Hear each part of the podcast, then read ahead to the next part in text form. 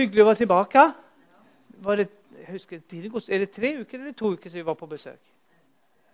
Det, dere hadde sånn bryllupsdag nesten. 14 dager. ja. Så hyggelig. Gud, Gud er god. Her er fullt av Guds ord. Jeg elsker Guds ord. Det er noe jeg lærte meg da jeg gikk på Livets ord i 85-86, det i forrige årtusende, så det er en stund siden. Men, men noen av de tingene står det i boken, så står det i boken. Da tror jeg på det så langt jeg ser. Sen så ser vi mer etter hvert, men vi, vi, og der er jeg sta. Veldig sta. Så der får du ikke pirke meg i noen ting. altså. Da blir det slagsmål. men det er viktig, denne boken det er, den, det er den som holder oss på sporet. Amen. Derfor skal du ikke stole på hva jeg sier. Du må stole, sjekke om det jeg sier, er riktig. For alle, alle sekter bruker denne boken. Eller mange sekter bruker denne boken. er det ikke sånn? Ja? Så, så ikke, ikke, tro på meg for at jeg sier noe. Sjekk om det stemmer med boka. Det er veldig viktig. Amen? Og nå skal du ikke sitte her og granske alt. men, men, det er kjempeviktig.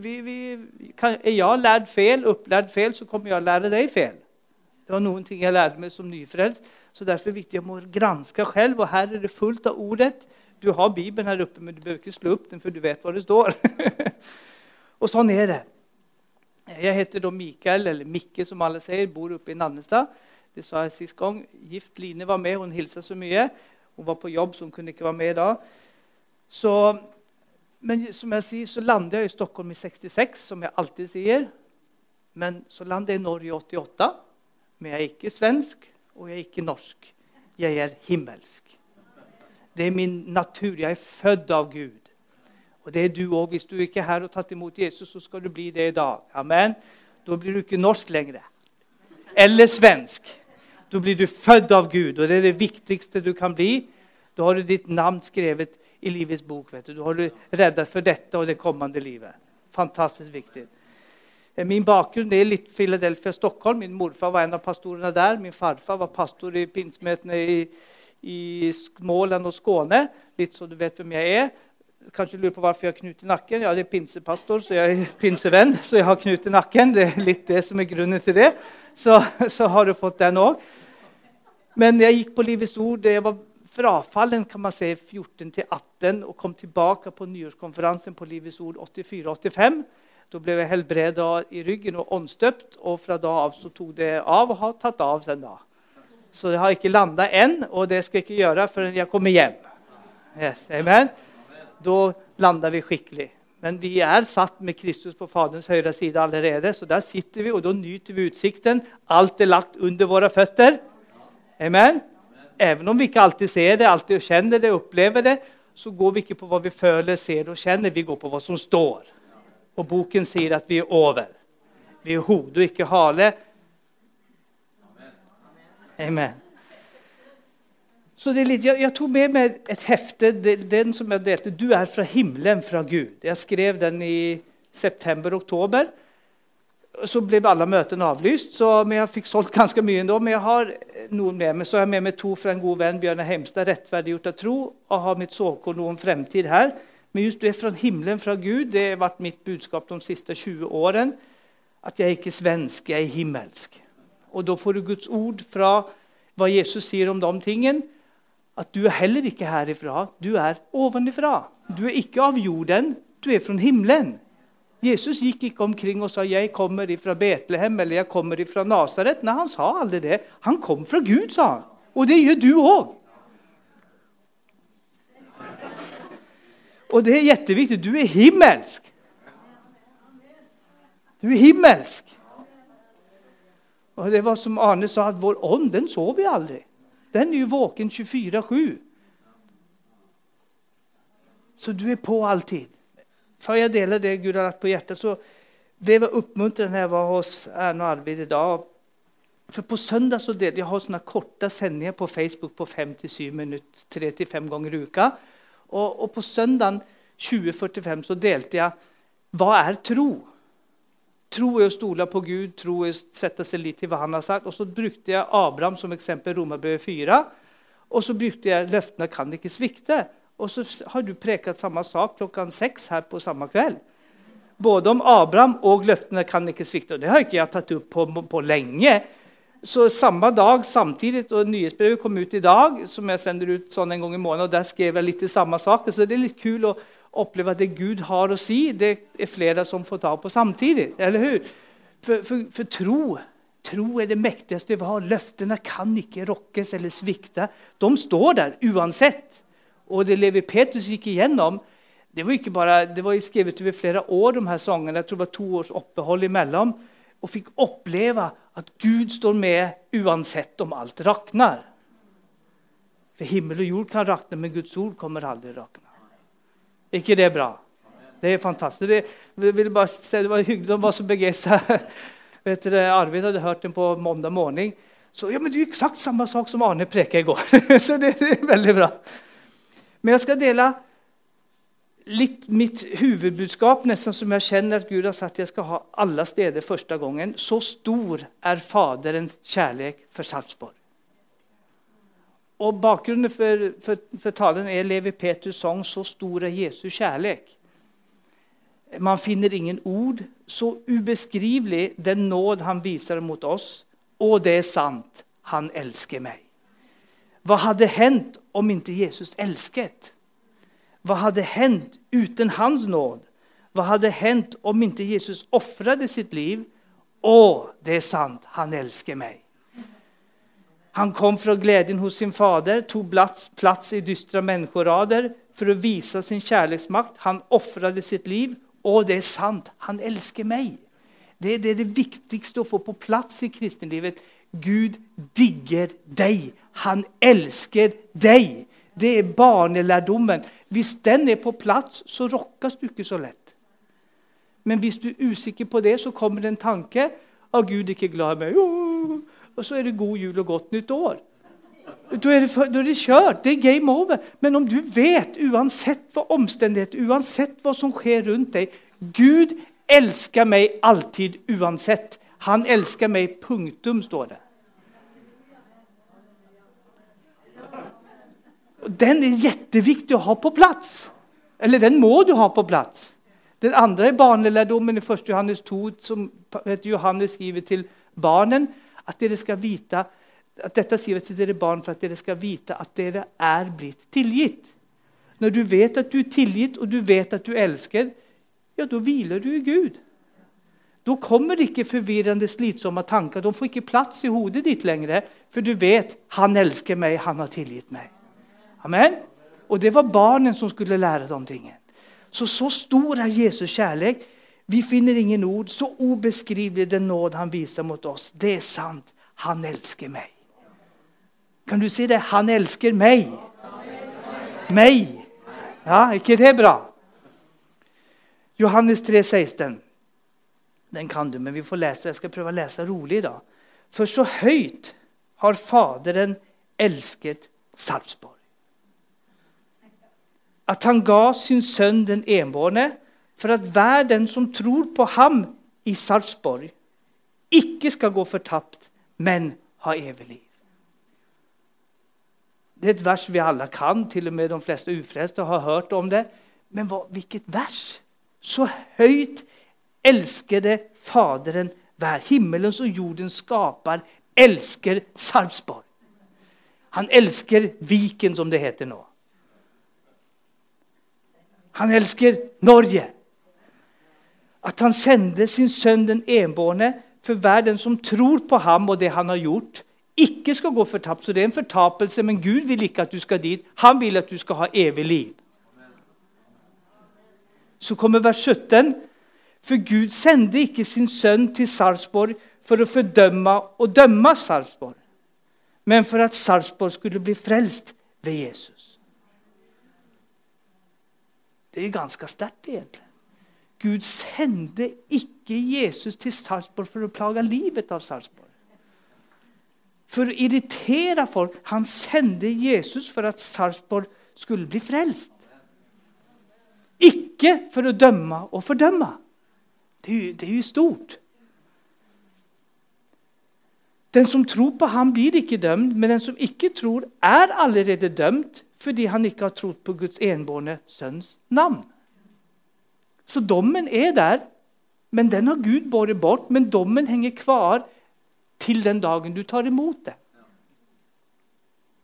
Så det du sår, får du høste. Det fungerer alltid. Det kommer aldri opphøre, sier Guds ord. 1. Mosebok 8,22. Såtid og høst kommer alltid å være her så lenge jorden består.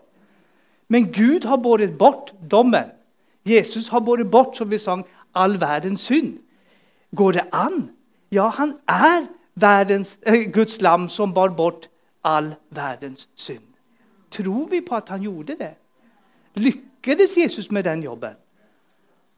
Ja, han gjorde det. All verdens synd bar han bort. Med ett offer en gang for alle. Hvilken gave! Så stor er Faderens kjærlighet til Sarpsborg. Gud elsker Sarpsborg. Jeg husker ikke om jeg sa det, men jeg bruker ofte å si det. Hver gang jeg våkner på morgenen, så hører jeg Gud synge til meg. 'Jeg digger deg, jeg digger deg, jeg digger, digger, digger deg'. Det synger Gud til meg hver morgen. Det er derfor jeg digger han så mye, for han elsker meg først. Derfor elsker jeg ham tilbake. Er ikke det hva Guds ord sier? Det er ikke at du elsker ham først, det er at han elsker deg først. ikke det sterkt? Så, så even om jeg er helt ute og sykler, så elsker han meg først allikevel. Og pga. at jeg har tatt imot den kjærligheten, så vokser åndens frukter. Åndens frukt er kjærlighet. Derfor elsker jeg ham og mine medmennesker for den nye naturen min. Som, sånn, sønn, sånn far, sånn sønn. Som han er, sånn er jeg. Sånn han er, sånn er du. Ja, men jeg er bare sånn. Nei, du er ikke bare sånn. Du er himmelsk. Du er fra Gud. Du er ovenifra. Du er skapt i Kristus Jesus. Jon Guichou sa sånn han, han var i Salonsdal for mange tusen år siden, men jeg tror det var på, på 70- 80-tallet, at vi må flytte prekestolen fra Sinai til Golgata. Det her heter jo pulpit på engelsk. Hvorfor da?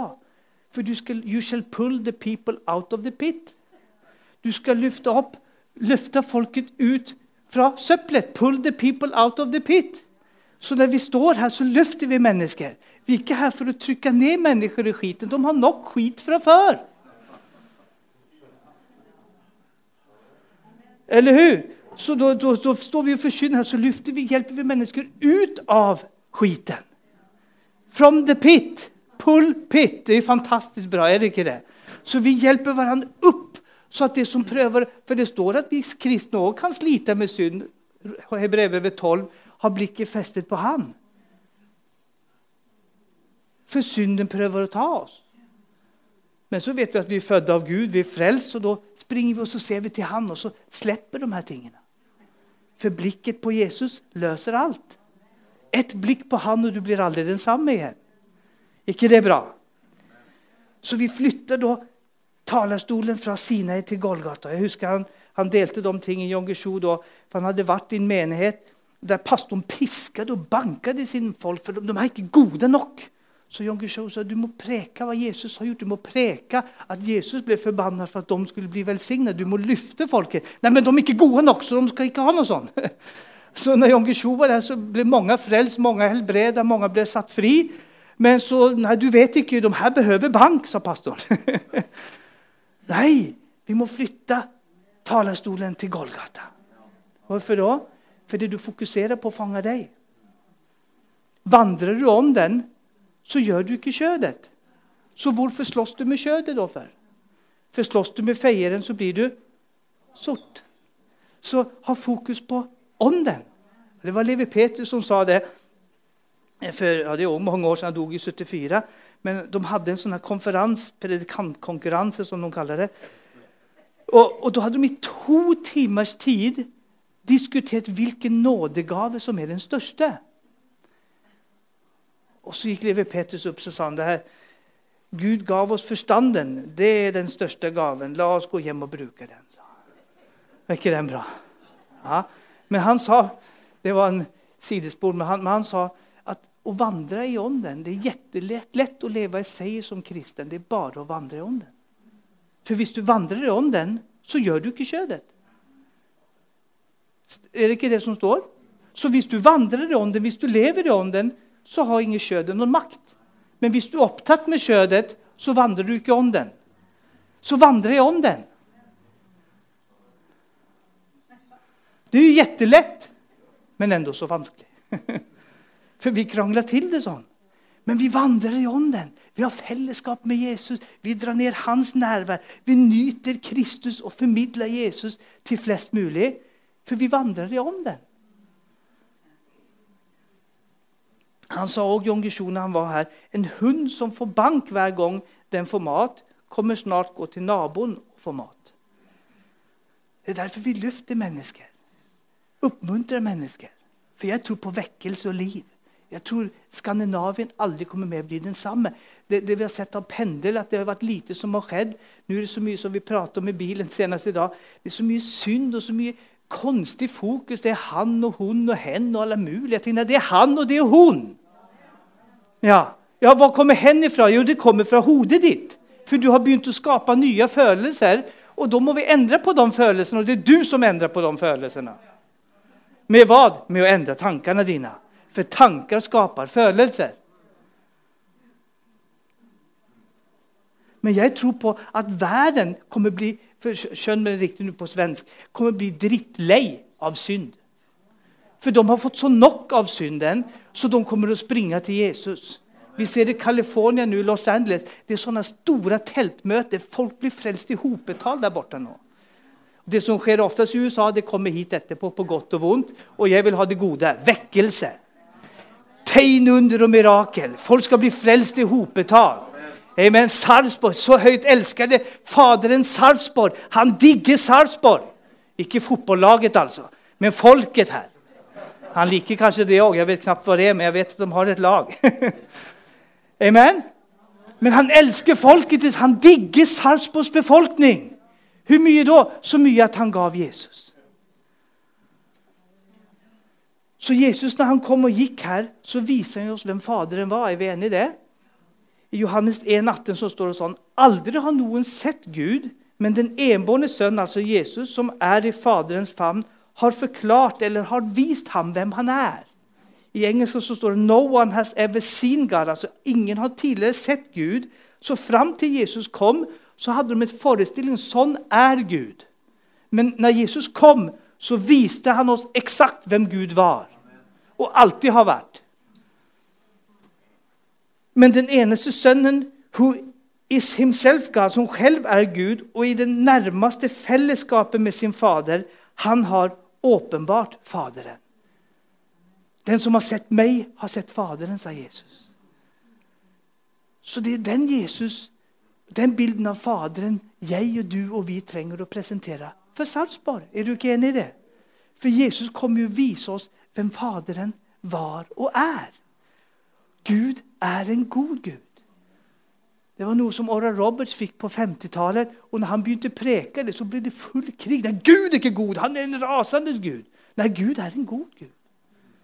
Og Jeg er glad i han mor. Hun er nå 80 år, ble 80 i desember. Hun har Jakob 1,17 som sitt favorittvers. Bare gode gaver, bare fullkomne gaver kommer fra himmelhusens far. Hos han ingen forandring eller skiftende skygge. Gud er ikke schizofren. Gud er ikke glad en dag og litt halvdårlig humør neste dag. så han rasende. Gud er en god Gud. Gud elsker mennesker. Gud elsker Sarpsborg.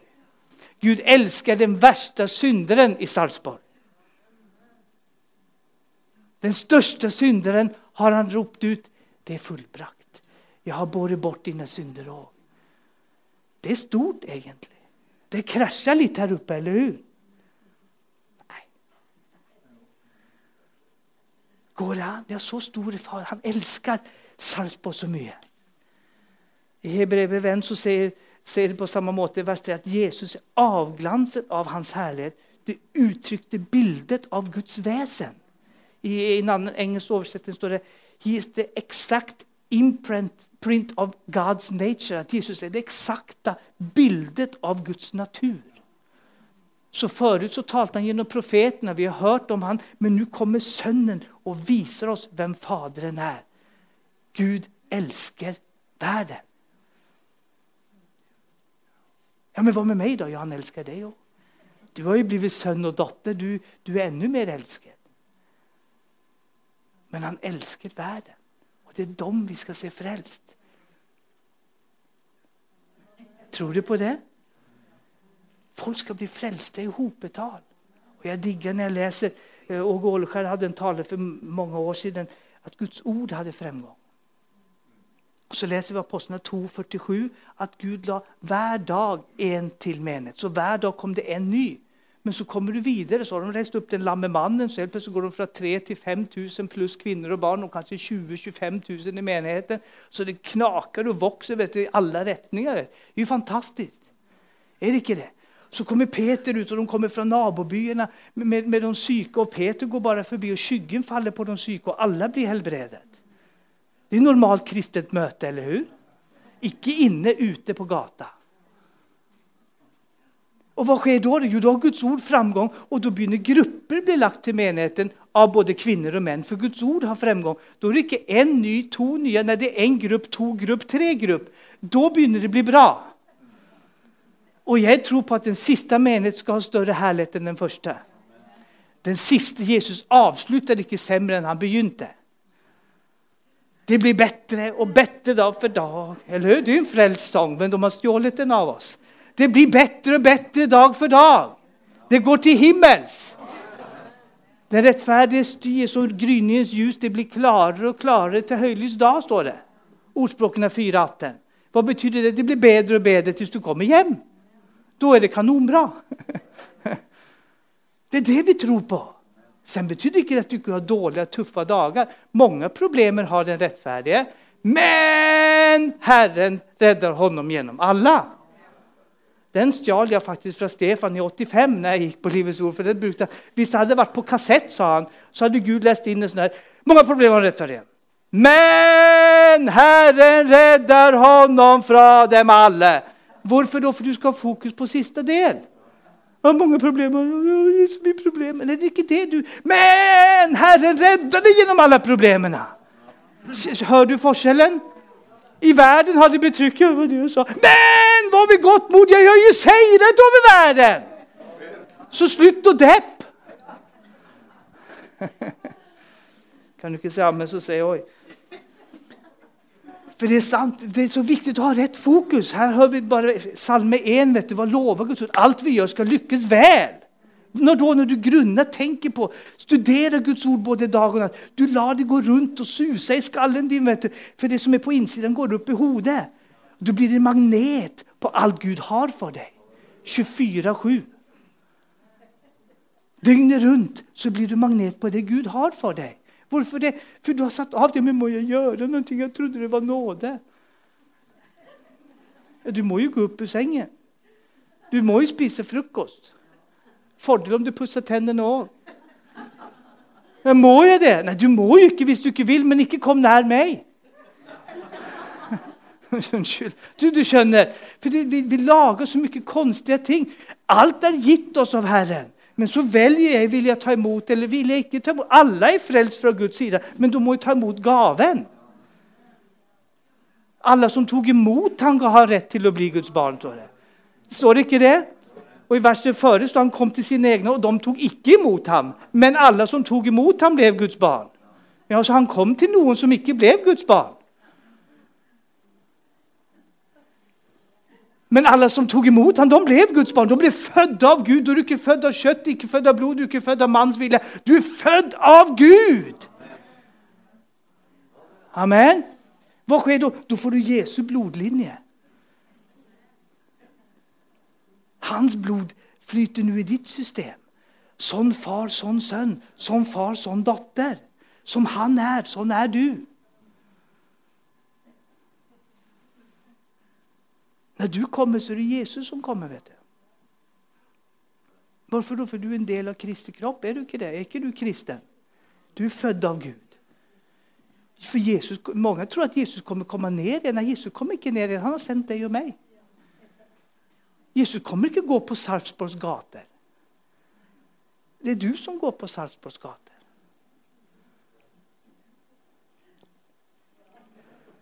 Vi kan be han at han skal gå hit og dit, men han kommer ikke gå. Han har satt seg. Og han sitter godt. Men så sa han at vi skulle gå. Sa han ikke det? Og når vi går, så går han med oss. Hvorfor da? For nå bor han i oss. Men hvis vi ikke går, så går ikke han heller. Ja, Beror det på oss, da? akkurat? Han vill ju väckelse 24-7. Han älskar att folk blir frälst. Det gjør vi òg, men han elsker det mer enn deg og meg. Tror du ikke det? Han har jo ofret alt for at verden skal bli frelst. Og jeg tror på, Her har ni jo Hans Nilsen Hauge i områdena her òg, for en gudsmann. Som snudde ned opp på, på hele, ikke bare Norge, men hele Skandinavien. Påvek, og de, de, de, de Vekkelsesrøttene som kommer derfra, de, de, kan vi nyte godt av den dag i dag. Så kommer neste bølge, neste bølge, men den siste bølgen blir den beste. Og den blir vi med på. Det var noe jeg lærte meg tidlig av Lesse Samrad. Han sa sånn Du må alltid følge flowen. Du må alltid hoppe på bølgen. Hvor er gleden? Hvor er begeistringen? Er gleden og begeistringen borte? Flytt deg. Følg flowen, sa han. Du må følge hva go-en er, følge hva begeistringen er. Der folk er glade i Jesus, der er det håp. Der den er borte, der gleden og begeistringen er borte, da er det noe som ikke stemmer lenger. Og Det har ikke med alder eller ikke alder det har med hjertet å gjøre. Som søstera hun er superbegeistra. Veldig bra. Ja, det beste jeg vet, Jeg husker ikke om jeg sa det sist gang, men det beste jeg vet, det er folk som er 80-90 år og har vært frelst hele livet og brenner for Jesus fortsatt. Jeg har hatt mange slektninger som var sånne. Mormor, farmor, morfar og farfar og, og deres slektninger de brant for Jesus hele livet. Det er sterkt. Det verste jeg vet, det er ungdommer som er lunkne. Og, da, og frelst eller ikke frelst, men De brenner ikke for noe. Da er det noe som ikke stemmer. For en ungdom skal brenne. Men en eldre person, 80-90 år, som fortsatt brenner for Jesus, det blir jeg imponert av. Sånne vil jeg bli kjent med. Så jeg satt med mine gamle tanter og spurte hvordan var det når Smith Wigglesworth var på møtene i Stockholm. Ja, vi turte jo ikke holde oss hjemme i det hele tatt. Levi Peters husker, jeg husker ikke hva hun hette nå, Guds ånd kom over henne, hun danset på bønnemøtet, og hun rørte ikke gulvet. Hun fløt over gulvet, sa hun. Det var så mye mirakler, så vi turte ikke holde oss hjemme. For det var hæler i taket og tenner i tapeten. vet du. Det skjedde så mye. Så vi turte ikke være hjemme fra møtet. Det kom en fra sykehuset fra de obotlig syke. for De hadde sykehus for vanlig syke og så hadde de sykehus for obotlig syke. Og En av dem ble helbredet. Neste dag ble Smith Wigglesworth og Levi Petrus invitert på sykehuset. På 45 minutter var 21 utskrivna. På 45 minutter var 21 utskrivna. Det er normalt kristenliv. Amen? Det, det, det, er det vi skal ha. Det er det vi lever i, det er det vi har sett. eller hur? Det er det som ligger her inne. Min drøm er at kroppsdeler som ikke fins til, blir til. For det har Jeg ikke sett. Jeg har fått sett røntgenbilder på ting som er byttet ut. Det er jo greit nok, Men, men når det er et ben som, som er borte, begynner, da begynner det å bli bra, syns jeg.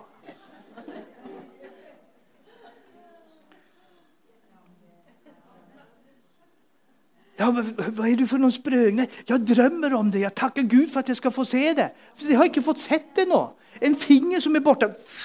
Så vokser du. Det er ganske heftig.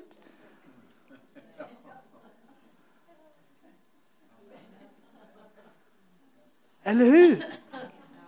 Sen er det største å bli født av Gud, Selvklart. Det tror vi på fortsatt.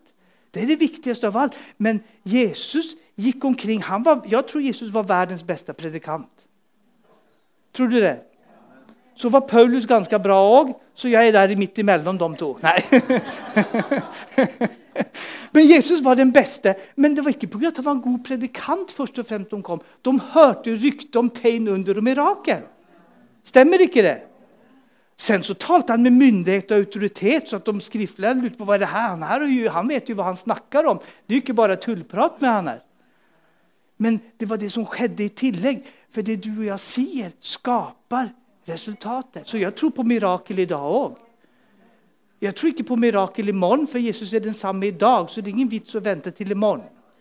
Så hvis du har et behov i dag, så kommer du få ditt behov møtt i dag. For i dag er mirakelens dag. I dag er frelsens dag. Så Jesus viste oss hvem Faderen var, at Gud er en god Gud. Og Det ser vi også i fortellingen i, i Lukas 15. skal jeg ikke gå inn på det, men det har jo tre fortellinger. Den bortkomne sauen, mynten som er borte, og den bortkomne sønnen. Men det handler ikke om den bortkomne sønnen eller den hjemmeværende sønnen. Det handler om den kjærlige faren. ikke det bra? Det står i den nye norske oversettelsen. Den kjærlige far står det som overskrift. Så lillebroren, Hvorfor gikk lillebroren? Jo, for eldstebroren var en plage. Nei, den eldre broren var en plage, mener jeg. Eldstebroren var en plage. det, det, får man ikke si. Jo, jo, eldstebroren var en plage for lillebroren. For han visste alt, han kunne alt. Han var så perfekt i seg selv. Du får ikke til noen ting, lillebror.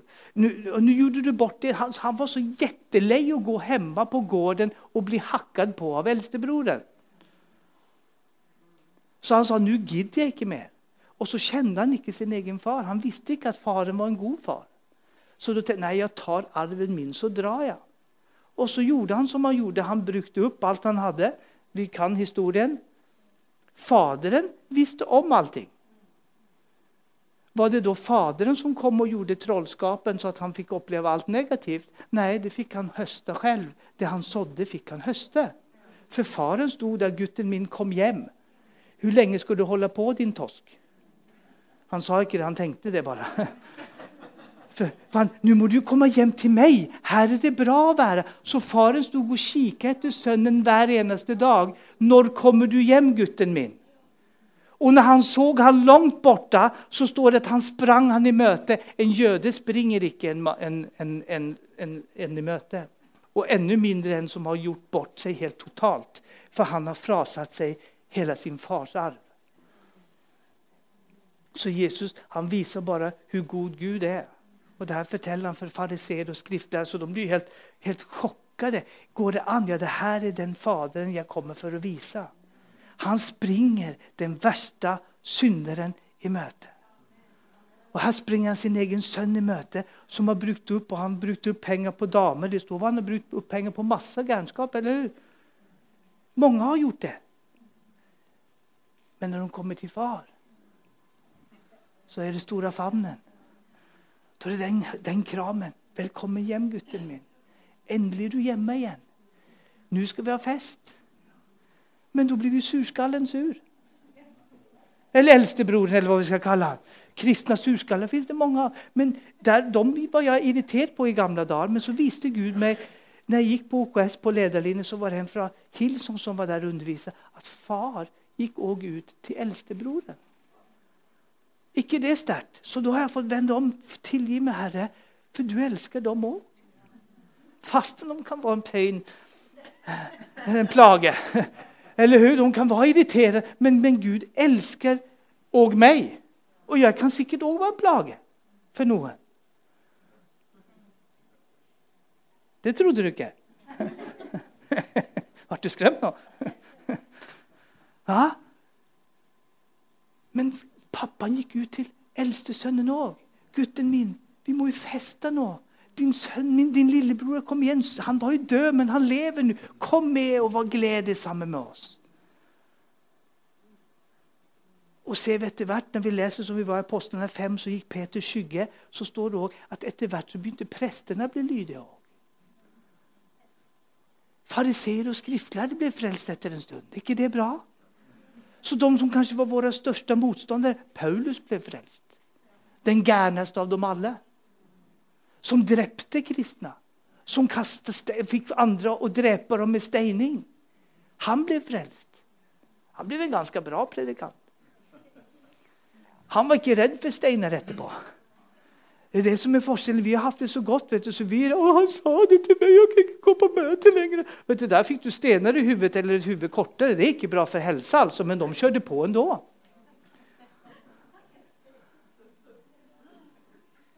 De sto på likevel. ikke det tøft? Og, og vi, vi, vi, klapper sammen for at en har sagt et halvt ord feil, som var, ikke var ment sånn, men vi tok det sånn, og så ble det feil. Ja, vi må få oss litt hud, litt elefanthud i menigheten, tror jeg. Altså. Så at vi tåler en smell, altså. Amen? Vi, vi var sju søsken. Jeg er eldst.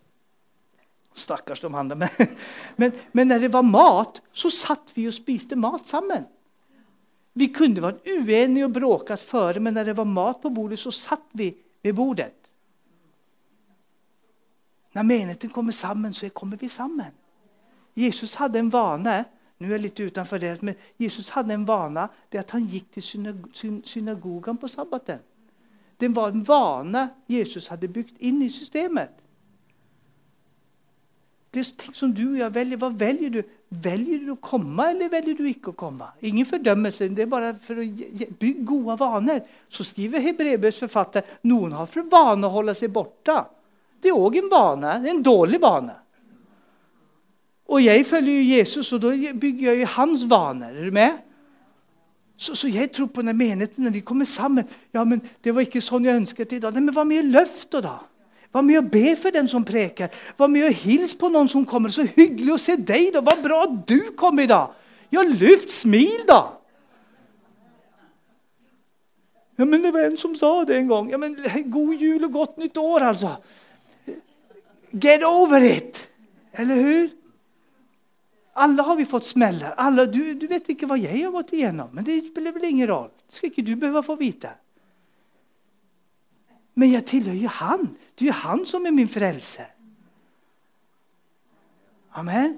Så er vi med og lyfter. Og når det blir fullt her, vad gjør vi da? Ja, da er det fullt. Da blir det to søndagsmøter. Så blir det tre så blir det overføring til et annet. Vi vet ikke. Gud har planer, Gud har ideer. han vet hva han skal gjøre. Sen skal vi drømme stort og tenke stort og profetere stort ut ifra Guds ord, eller hur? Og når det kommer så er vi klara, For det kommer. For så høyt elsker Faderen Sarpsborg. Så det blir vekkelse i Sarpsborg. Det kan ikke bli noe annet enn vekkelse. Hvorfor? For Gud sier det. Men jeg er så glad for at lillebroren, når han kom tilbake, at han ikke møtte eldstebroren. Takk Gud for at han møtte far. Og jeg kaller på fedre og mødre her inne i dag. La de som kommer møte fedre og mødre, og ikke äldstebrodern. För da kommer de å gå igjen. At de får den og ikke den. For Jesus kom ikke med den. Slutt med det, begynn med det, skjerp det. Nå gjorde du det når Jesus sa kom til meg'. Kom til meg. Du som sliter, kom til meg. Er du full av synd, kom til meg. Er du sliten, kom. Jesus sa kom til mig. Ta på min byrde, ta på mitt åk, for min byrde er jettetung. Nei, den er lett, og mitt åk er ganglig. Så det er lett å være frelst. Det er herlig å være frelst. Amen. Så Jesus kom ikke med den, han, kom, han snudde på den.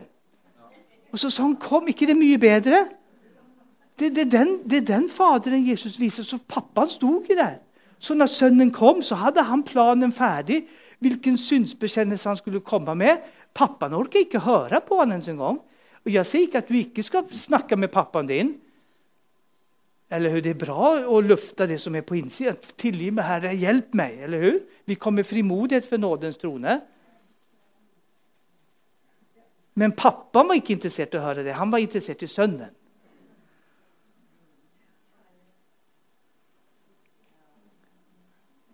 Pappa er interessert i sønnen og datteren i Sarpsborg.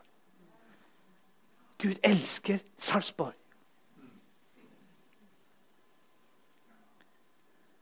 Så har vi fått hjelp, den hellige ånd. Vi hadde jo pinse nettopp. Så Jesus sa i Johannes 16 til disiplene Sier dere sannheten nu, det er til deres beste at jeg drar. Hvilken dum prating. Hvorfor er det bra för? Det, du, du, det er disiplene. du må tenke, de snurrer, de surrer i hodet på dem. Hva prater du for tull nå, Jesus? Skal du stikke? For de trodde ikke på at Jesus skulle dø og stå opp. Men Jesus, det er det beste at jeg drar, For når jeg drar så kommer talsmannen, hjelperen, advokaten, den hellige ånd. han kommer å komme. Og jeg er så glad. Når du, når du leser Guds ord, hva sa Jesus om den hellige ånd? Han var talsman, hjälper, trøster, advokat, forsvarsadvokat. Det står ikke at han var anklageren. Det, det, det, det står ikke at han var fordømmeren. Det står heller ikke at Den hellige ånd er feilfinneren. Men jeg møter masse kristne. Det er de tre siste som er det største. At han finner mine feil, han fordømmer meg og han anklager meg. Nei, det er ikke Den hellige ånd, det er Satan som gjør det.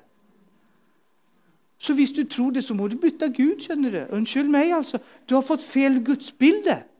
For Jesus kommer ikke med det. Og han sa aldri de ordene om Den hellige ånd. Nå kanskje du ble skremt, men det faktisk står ikke det. Men så står det hva skal Den hellige ånd gjøre da? Jo, når du og jeg vitner, så kommer Den hellige ånd være med oss. Når Den hellige ånd kommer, skal han overbevise verden om synd, om rettferdighet og om dom. Jeg hørte på en tale i 84 eller 85 var den fra med John Osteen. Pappaen til Joel Osteen. Han er hjemme hos Herren for mange år siden. Og Han forkynte det her i Södermalmskyrkan i Stockholm på sommerkonferansen. Det var fantastisk bra. altså. Og så I svensken så stoppa det med punkt der at Den hellige ånd kommer for å overbevise verden om synd og rettferdighet og dom. Og Jeg har hørt forkynnere i Norge, jeg har lest bøker, og vet du, de, de tar livet av folk. vet du.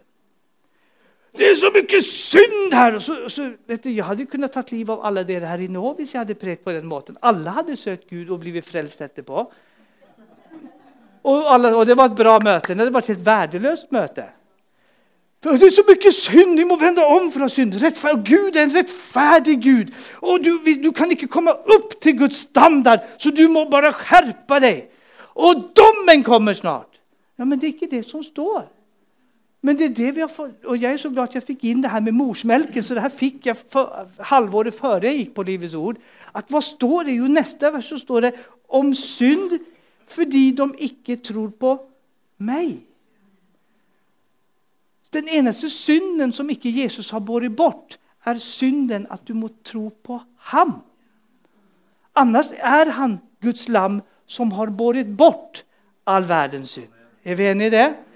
Men så er det en synd som Den hellige ånd kommer og overbeviser. Så da skal ikke du og jeg preke de andre så de blir blå i ansiktet av synd. Når vi forkynner Jesus Jesus har båret dine synder. Du er elsket, du er akseptert. Jesus smiler til deg. Har du lyst til å ta imot Jesus? Har du lyst til å bli født av Gud? Alle som tok imot han ga rett til å bli Guds barn. Da kommer Den hellige ånd og overbeviser om den ene synden. For det står synd i entall. Ikke det sterkt? Og det er Den hellige ånds jobb, ikke min. Så vi forkynner evangeliet, gode nyheter. Så høyt elsker Gud deg. Han elsker Sarpsborg. Han digger Sarpsborg. At han har gitt Jesus for at ingen skal gå fortapt, men de skal tro på han og få evig liv. Og Da kommer Den hellige ånd oss til hjelp og overbeviser verden. Det står ikke menigheten, det står verden om synd én synd. De tror ikke på meg. Og så kommer rettferdighet fordi jeg går til min far. Når du har blitt overbevist om den synden, så blir du rettferdiggjort. Du kan stå fremfor Gud som om synd aldri eksisterte eksistert i livet. Her ser du en hellig, ren og fullkommen person i Jesus Kristus. Nei, det kan ikke stemme. Jo, det gjør det. Jeg skal vise deg, skal du se. Her, mange har sett den her før, men det den må du bare ha med. Den her er fantastisk bra, altså.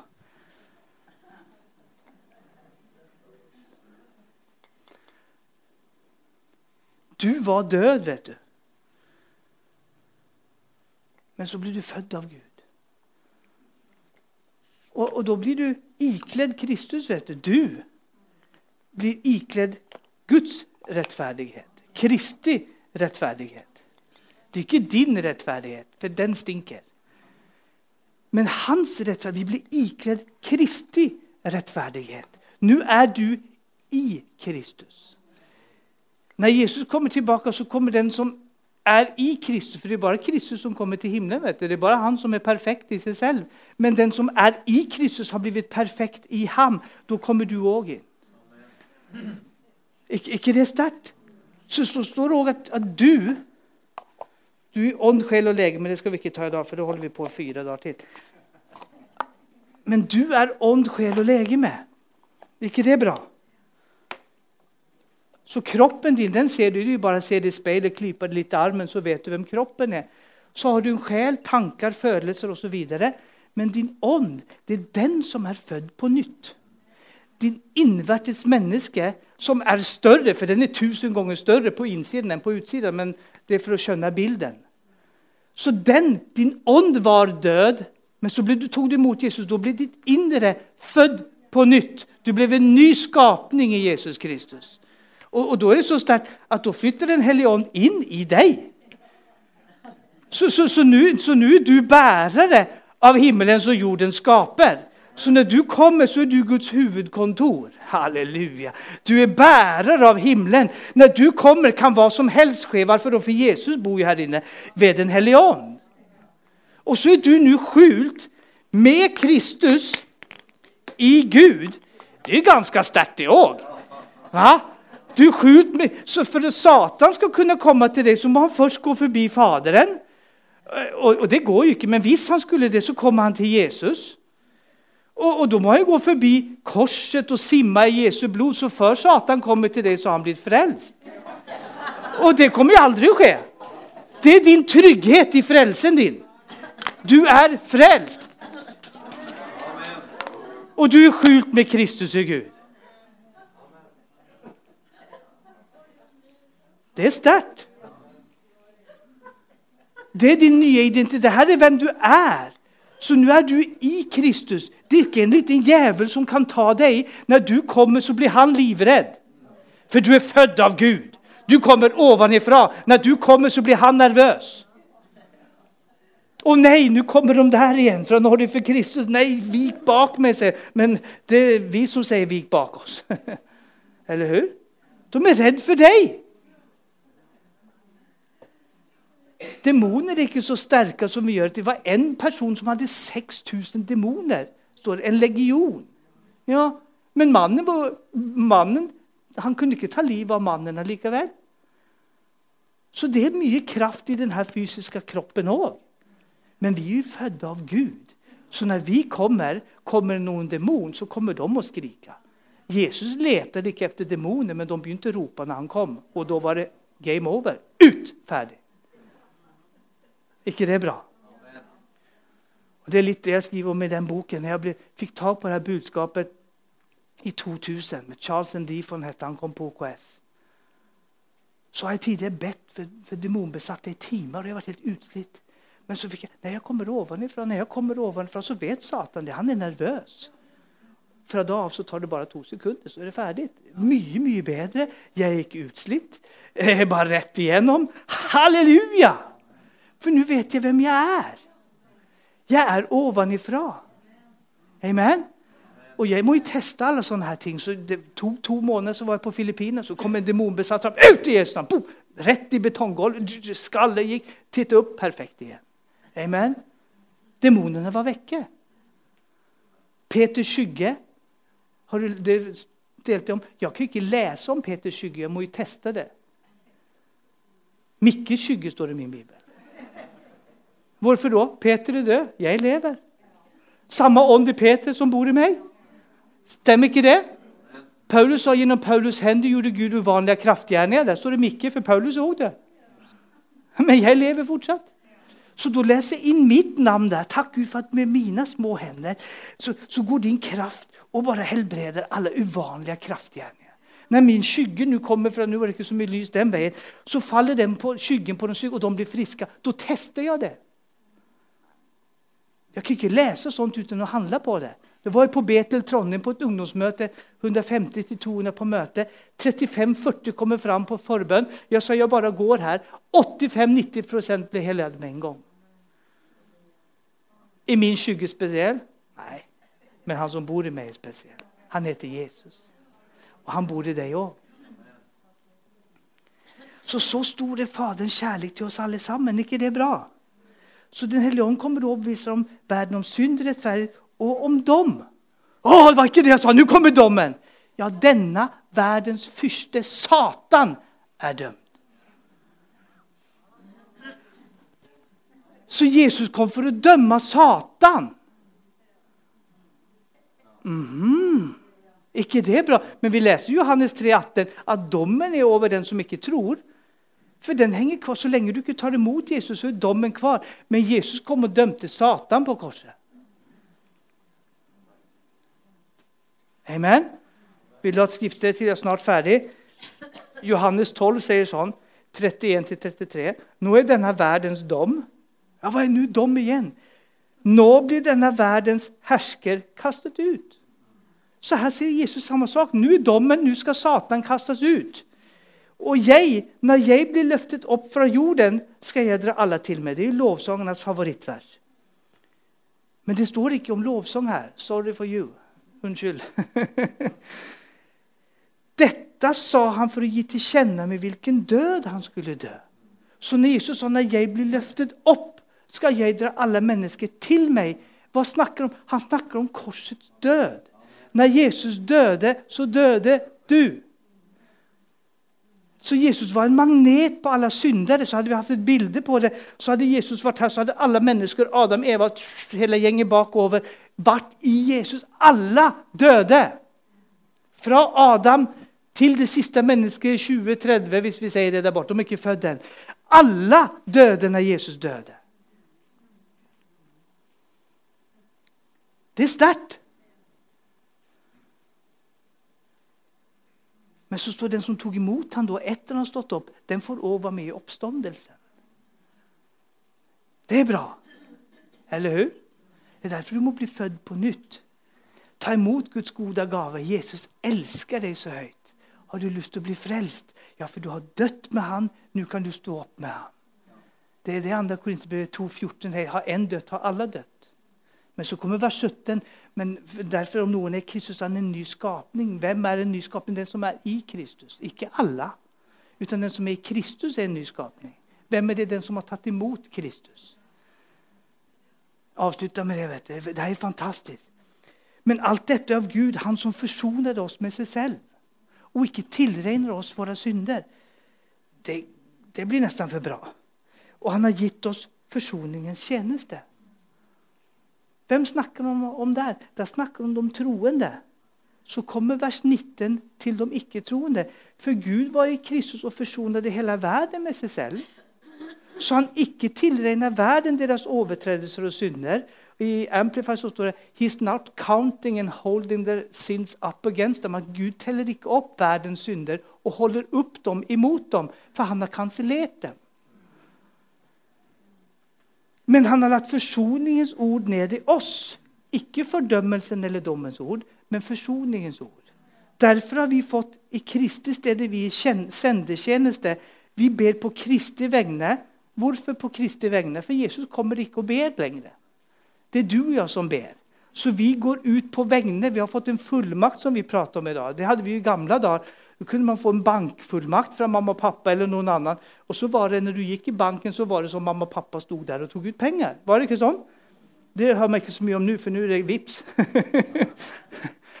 Men på samme måte så vi, vi står da i stedet for Jesus, så sier vi til folk vi, vi, Som om Gud inderlig formaner ved oss. Vi ber på Kristi vegner. La dere forsone med Gud. Der er dessverre noen som bare bruker første del av vers 19. At Gud har forsonet hele verden. Ja, men da er alle frelst. Ja, Men da leser man jo bare en halvt vers. For vers 18 sier at vi har fått forsoningens tjeneste. Men Gud har forsonet verden, men de må ta imot den forsoningen. Hører du forskjellen? Dette er livsviktig, syns jeg. Og det er vranglære å si noe annet. I Messi så står det Become God's friend because he is already your friend. Bli Guds venn, for han er din venn. Men du må invitere vennskapet. Det var som når jeg gifter meg. Så, så Det er alltid så frekt. De spør alltid mannen først tar du Line. Og jeg sa ja. Og så, så sa hun nei. Nei, hun gjorde ikke det. Du, du trodde på det? Hun kan ikke si nei til meg, skjønner du. Nei, men muligheten var der. Eller hur? Det var en film som heter 'Runaway Bride' for mange år siden med hun Julia Roberts. Hun stakk jo hver gang hun skulle gifte seg. Eh, stemmer ikke det? Men, men, jeg sa ja. Og så sa Line ja. Og da ble vi et ektepar. Eller stemmer ikke det? Så det hjelper ikke med 'ja'! Det fullbrakt. Det hjelper ikke hvis ikke 'ja' kommer fra deg. Det er to ja. Brudgommen har ropt ja for Sarpsborg. Hva sier bruden? Bra. På Filippinene vet du, så der skjønner de det her. Så du bare, 'Har du lyst til å ta imot han?' Ja! Så springer det flere hunder fram. Det er jettekul. I Norge så Ja, OK, da. Det er litt forskjell. Så, når jeg kommer til himmelen, så skal jeg bo på den asiatiske delen. Det er litt mer herlig taket der. Men, men, men, Jesus har sagt ja til deg og meg. ikke det stort? Men hva sier vi, da? Ja. Dette er den kjærligheten Faderen har for Sarpsborg. Han elsker Sarpsborgs befolkning. Han elsker Viken. Han elsker Norge. Han elsker til og med Sverige. Tenk deg det. Og Danmark. For ikke si Danmark, kjære Gud. Ja, kjære Gud. Aha. Han elsker Danmark. Finland òg. Jesus rakastastino. Det betyr Jesus elsker deg. Det kan du ikke Jesus rakastastino. Du tror at han skal ta livet av Nei, Jesus elsker deg, betyr det. Så, så til og med man kan være hard i Finland. Så, så, mye elsker Gud deg her. Er du her du ikke er frelst, så er det din kveld i kveld. vet du. Han elsker deg så utrolig mye, så det bare øser ut av ham. Til Sarpsborgs befolkning. Til Viken. Jeg tror på det her budskapet skal være med å snu opp ned på både vårt hjerte, for det har med å snu magneten. At, for, for, skal avslutte med det. For Jesus var ikke en magnet, for du kan ha en magnet som blir snudd feil vei, så den støter bort. Har du opplevd det? Ja, men en magnet skal tiltrekke seg. Så Jesus han tiltrekte seg syndere. Det står i Lukas 15, vers 1 og 2 at syndere og tollere likte å komme nær til Jesus og henge med Jesus. Så de skriftlærde fariseerne ble litt sure på det. Det står det. Så, så, så, så, jeg da jobber med For jeg har opplevd tidligere, jeg var så radikal når vi gikk på Livets Ord. Da skulle det var noen som banna. Halleluja! skulle du si. Du, du, du ble ikke frelst, de gikk. Men du var jo, du var jo radikal, eller hur? Så, du, så, du, så de banna, du sa 'Jesus'! Og du, så da, da, det var ikke så lett å vinne dem. vet du. Så du brukte ikke hodet så mye. Så det, det er bra å bruke hodet òg, altså. så, så, så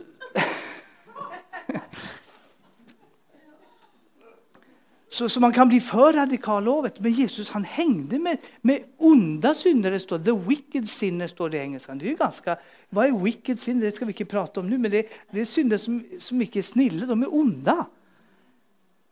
Hvorfor likte de å høre på Jesus? For de ble møtt og ble frelst. De ble satt fri. Det er jo sterkt. Er det ikke det? At Jesus elsker syndere. Annars hadde du vært kjørt for meg. Hvis ikke Jesus elsker meg før jeg ble frelst, så hadde jeg ikke kunnet bli frelst. Men han møtte meg. Tenk deg det, du. Det er ikke dårlig. Han møtte deg. Det er ikke dårlig, det heller. Nei, men jeg var ganske god, kanskje du ser. akkurat. Tror du må bli frelst igjen, ja. Har du fått ut noen ting? Skal vi bruke dette budskapet sammen i Viken og Norge. At folk skal få kjenne at Gud elsker syndere. At Gud ikke er sint. Gud smiler. Ikke til synden. Men Gud personlig har ikke problemer med synden. Men han vet at du og jeg har problemer med synden. For Gud han, han er langt vekke fra synden, så han, han personlig sliter ikke med den. Men han vet at du og jeg tar skade av den. Derfor hater han synden. Men han hater ikke synderen. Det er den balansen der. Så takk, far, for at du er så utrolig god.